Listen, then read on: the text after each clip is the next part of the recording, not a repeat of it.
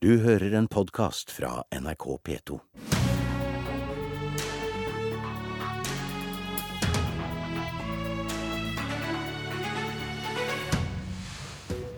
FrPs skattekutt vil tvinge fram kutt i velferden, hevder Arbeiderpartiet. Bare tull, svarer Frp, og mener Ap har glemt at verdier må skapes før de kan fordeles. Velkommen til Politisk kvarter, der vi spør hvem som har den mest folkelige skattepolitikken i landet her. For mens Arbeiderpartiet vil øke skattene med 15 milliarder kroner i neste periode, går Frp til valg på skattekutt verdt 50 milliarder. Ketil Solvik-Olsen, nestleder i Fremskrittspartiet. Hvor skal dere ta pengene fra? Skattepolitikken vil være på den samme måten som når det gjelder satsing på sykehus, satsing på eldreomsorg, satsing på infrastruktur og på skole. Det er en vekst i norsk økonomi. Det gir òg staten en eh, økt inntekt. Og Da er spørsmålet hvordan skal vi bruke det. Og Vi mener noe av de pengene som staten får i naturlig vekst, er fornuftig at vi bruker på skattelettelse, sånn at det svarer seg litt mer for folk å jobbe. At det svarer seg å investere i norsk eh, næringsliv, og ikke sånn som eh, motparten. Men her som heller vil eh, kutte i offentlige utgifter for å spare mer i oljefondet i utlandet. Vi må utvikle norsk økonomi. Det er det smarteste, og da er skattepolitikken en viktig del av det. Din motpart her er Trond Giske, nestleder i Arbeiderpartiet. og Hva tror du blir konsekvensen dersom Frp får gjennomslag for eh, de skatte- og avgiftskuttene som de går eh, til valg på? Hvis vi skal ta Frp på alvor, og det bør vi jo, de sitter jo med finansministeren i Norge og ønsker å fortsette med det, så har de altså på sitt landsmøte vedtatt uh, nye skattekutt på uh, om lag 50 milliarder kroner. Innfasa over fire år vil det bety en, ja, rundt 12,5 milliarder i året i økte skattekutt. Og i finansministerens eget uh, langtidsprogram, som var lagt fram for Stortinget, sier hun at handlingsrommet per år de neste årene kommer til å være mellom 6 og 7 milliarder. Det er både veksten i økonomien og innfasa oljepengebruk. Og Det betyr at bare der mangler du jo 6-7 milliarder for å dekke opp disse skattekuttene. Og det er jo før du gjennomfører alle andre løfter om forsvarsøkning eller samferdselsøkning eller eh, alle andre ting du ønsker å gjøre. Kommunene i Norge vil bare med fjerning av eiendomsskatt og formuesskatt tape over 20 milliarder kroner. For en gjennomsnittlig stor kommune kan det bety rundt 100 millioner kroner i året. Og det er altså 150 sykepleiere eller lærere eller hjemmehjelper. Hvis kommunene taper disse pengene, så blir det omfattende velferdskutt for mennesker som trenger omsorg på eldre dager, unger som trenger trygg oppvekst eller god skole. Og dette er helt feil for Norge. Vi trenger ikke å gi mer penger til dem som har absolutt mest fra før. Vi må bruke det på gode velferdstjenester for folk i Norge. og, og Derfor skal vi selvsagt ikke gjøre det som Trond Giske sa nå. Jeg syns det er rart at Arbeiderpartiet hver gang de skal se hvordan de kan effektivisere offentlig sektor, går på å kutte skoleplasser, går på å kutte sykehjemsplasser, går på å kutte i helsevesenet. Det er i hvert fall ikke en politikk som vi fører. og Det er jo derfor kommuner nå har rekordgod økonomi. Det er altså blant de beste på over 20 år. Så til tross for at vi har redusert skatter og avgifter på innbyggere og på næringsliv, så har vi òg funnet rom for en vekst i kommuneøkonomien. Vi har klart å redusere sykehuskøene, vi har redusert fengselskøene. For første gang på mange tiår reduserer vi nå etterslepet på veier og på jernbane. Så til tross for at Trond Giske har klart å føre en politikk med høye skatter, så har han ikke funnet rom for å kutte i disse køene. Det gjør vi. Det som jo er en større utfordring hvis vi skal begynne med denne type regnestykke, det er jo når, eh, når partilederen din, eh, Jonas Gahr Støre, går ut og sier at det brukes 100 milliarder kroner oljekroner for mye, så er jo det dobbelt så mye som de 50 milliardene du mener det er ikke rom for. Da er jo spørsmålet hvilke tjenester er det du skal kutte for at dere skal redusere oljepengebruken med 100 milliarder kroner? For dere lover 15 milliarder kroner i økte skatter. Da trenger du fortsatt å kutte 85 milliarder kroner for å komme ned i det du mener. Nå er det veldig mye, ja, veldig mye taller. Fordi at eh, Det er helt greit. Nå jeg har presentert hva Frp har sagt sjøl. Oppfatter ikke noe arrestering i premissene. Jeg kan arrestere premisset der. Fordi at eh, Vi skal ikke bruke 100 milliarder mindre i oljepenger. Vi har sagt at dere har økt med 100 milliarder. Det er for mye. I budsjettet for 2017 reduserte vi den oljepengebruken med 3 milliarder. Og dette, og dette vet du. Men det, det vi snakker om nå, er at på, på fem Nå må jeg bare få snakke ferdig. På fire år har dere nå gitt 25 milliarder i skattekutt. Det aller meste har gått til dem som har mest. Hvis du har under hvis du har, Jo, da har tabeller på det. Hvis du har under 5 millioner, i, under 5 millioner i formue i Norge, så har du fått i gjennomsnitt 10 kroner per dag. Dette presenterte også VG.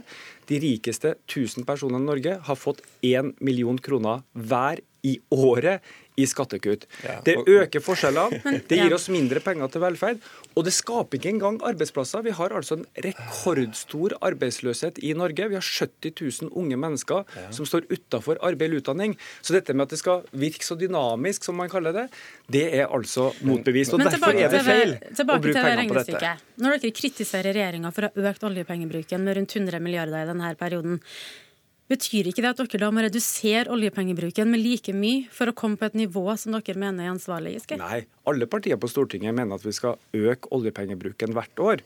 Men poenget er at veksten har gått altfor fort. Eh, Og nå sier Finansdepartementet sjøl at i de kommende 15 årene så kan vi innfase mellom 3 og 4 milliarder kroner i oljepenger per år. Dette er Siv Jensens egne ord til Stortinget. Hvis du da skal gi 12,5 milliarder i året i skattekutt, så mangler du der nesten 10 milliarder kroner. Dette må jo da dekkes opp. Hvis kommunene taper 21 milliarder kroner, som tilsvarer 30 000 ansatte i velferdstjenestene våre, hvor skal de pengene komme fra? Ja, skal du kompensere Jo, for eiendomsskatten kan, du, kan du snart slutte å diskutere mot en fiende som ikke finnes, og heller forholde deg til den virkeligheten vi lever i? Nå har dere i tre og et halvt år gått og sagt at vi øker oljepengebruken for mye. Men nå sitter du her og sier at all den kritikken dere har kommet med i tre og et halvt år, har du ikke tenkt å gjøre noe med. Dere kritiserer for kritikkens skyld. Dere gir inntrykk av at kommuneøkonomien er blitt dårligere de siste årene. Faktum er jo at når du ser på overskuddene i kommunene, så er den den beste, den høyeste på mange tiår. Det gir kommunene anledning nettopp til å fikse de problemene du snakker om. men Men hvis vi ser på den perioden som har vært nå, men ser på neste periode. Ja. Ketil Solvik-Olsen, må handlingsregelen sånn som vi kjenner den i dag endres dersom de skattelettene dere lover skal gjennomføres? Nei, med den handlingsregelen som nå er, selv om Fremskrittspartiet har et annet syn men, eh, og mener at vi skal investere litt mer av, av oljeformuen i norsk infrastruktur, framfor det Arbeiderpartiet vil investere mer i finanskapital i utlandet. Men selv om du beholder dagens handlingsregel, sånn som regjeringen har lagt opp til, så vil du ha handlingsrom til dette. Til Men 50 milliarder? Hvis, hvis, du bruker, hvis du bruker det handlingsrommet eh, på en skikkelig måte. Men jeg syns det er litt interessant da, når Trond Giske mener at det å gi mer skattelettelse til innbyggerne og til næringsliv, det, det er fæle greier. Så er det samtidig fæle greier at eh, vi har brukt mer av oljeformuen til å nettopp investere i vekstevnen til denne økonomien. Og Det er jo det som vil skape oss verdier i framtida, som gjør at innbyggerne vil sitte med mer igjen, men òg staten vil sitte mer igjen, sammenlignet med om du bare sparer pengene i utlandet, sånn som Arbeiderpartiet vil. Men på punkt etter punkt nå så viser det seg jo at Arbeiderpartiet kritiserer det denne regjeringen her gjør, uten å sette det i perspektiv med hva de selv fikk til, for det var dårlige resultat, og uten å ville gjøre noe med det om de selv får makt. Og Da blir kritikk for kritikkens skyld noe av det minst konstruktive du kan få i norsk politisk debatt. Altså, Jeg skal, jeg skal gi egentlig Frp ros for en ting, og det er at det er veldig klar tale fra Frp. Og det syns jeg er egentlig ganske fair. Det burde dere òg prøvd. Erna Solberg eh, snakker jo aldri om disse skattekuttene. Hun har brukt 25 milliarder kroner på den altså, største satsinga man har. Men Ketil Solvik-Olsen får fullføre en setning. Jo, men det er, det er brukt 25 milliarder på skattekutt i denne perioden. Og Siv Jensen sier fra FrPs talerstol at dette skal fortsette, ikke bare fortsette, det skal forsterkes. Det skal dobles de neste fire årene. Og det er helt greit. Det er et veldig tydelig retningsvalg. Vil man fortsette med Frp og Høyres skattekutt, hvor vanlige folk har fått en tier om dagen, og hvor de rike har fått mest? Dem som ønsker det, kan stemme på Frp og Høyre. De som ønsker at disse pengene skal brukes på eldreomsorg, på skole, på helse, på å skape mindre forskjeller i Norge, og i tillegg få fart på sysselsettinga, de kan stemme på oss. Det er jo et veldig klart retningsvalg. Du kan ikke både si at du skal bruke 50 Nå er milliarder på skattekutt, og si at du skal bruke penger på velferd. Og spørsmålet jeg skal stille, går til deg. Ketil Solvik-Olsen. Eh, Høyre vil jo ha mindre skattelettelser Mm. i neste periode eh, enn i denne. Dere vil ha mer. Hvem får viljen sin om dagens regjering fortsetter? Vel, Det gjenstår jo å se etter hvert som velgerne har sagt hvor styrkebalansen skal være. Stemmer du på Frp, så får du mer Frp-politikk. Stemmer du på Høyre, så får du mer Høyre-politikk. Stemmer du på KrF og Venstre, så får du mer uh, sentrumspolitikk. Men Trond Giske igjen eh, argumenterer mot en annen virkelighet enn den som finnes. fordi at Resultatene viser jo at vi bruker mye mer på sykehus enn det dere gjorde, til tross for at dere hadde høyere skatt. Vi bruker mye mer på samferdsel enn det dere gjorde, fordi at vi har eh, prioritert det. Og vi har funnet rom for skattelettelse, ikke bare til de rike, sånn som det gir inntrykk av. Du snakker om en million kroner til de tusen rikeste. Ja, det er en milliard kroner. Vi har gitt skattelettelse på 120, sier du nettopp. Det sier seg selv at det regnestykket ditt er La folk la meg, la meg, La meg få fullføre, da. Fordi at Kommuneøkonomien er altså mye bedre enn Trond Giske leverte. Eh, sykehuskøene er kortere. Flere eh, lærere får etterutdanning. Så vi har jo vist men det, Men Dere skal fortsette å levere det også i neste periode. og Dere skal kutte skattene med 50 milliarder. Hvor skal Frp kutte? Jo, det, det, som er litt forskjellen her, det er jo at Trond Giske vil jo heller eh, skattlegge norske bedrifter for å kjøpe utenlandske verdipapir. Jeg syns det er en forferdelig dårlig måte å skape arbeidsplass i Norge. Trond Giske og de mener at vi har brukt for mye penger, samtidig som han sier at det er en arbeidsledighetsproblem i Norge. Og Det er jeg helt enig i. Det er jo derfor det er viktig å stimulere norsk økonomi. Og Du kan ikke både stimulere norsk økonomi samtidig som du skal skattlegge bedriftene for å kjøpe utenlandske verdipapir. Det er der logikken til Trond Giske havarerer. Fordi han er mer opptatt av å kritisere enn å levere en politikk som henger sammen. Nå ser vi altså at norsk infrastruktur blir bedre og bedre år for år. Den ble dårligere og dårligere når dere styrte. Det er faktisk et retningsvalg. Men det retningsvalget er veldig enkelt. De som syns de har fått gode skattekutt fra dere, syns at dette er en riktig retning, syns at forskjellene i Norge er for små, syns at vi har nok penger til skole, eldreomsorg og helse, de kan stemme på dere. De som ønsker et skifte fra denne Høyre- og Frp-politikken, som har skapt større forskjeller, 100 000 fattige barn, 120 000 arbeidsløse, og en helsevesen som ligger 3 milliarder etter skjemaet som Stortinget har vedtatt, dem kan stemme på oss. Da fikk du siste ordet i debatten. Eh, vi skal høre med politisk kommentator i NRK, Magnus Takvam. Høyre kvier seg jo for å tallfeste skattekutt. Det gjør eh, ikke Frp i like stor grad, i hvert fall ikke når de får litt hjelp av eh, Finansdepartementet og Dagens Næringsliv. Hva har Frp å hente på å gå til valg på store skattekutt?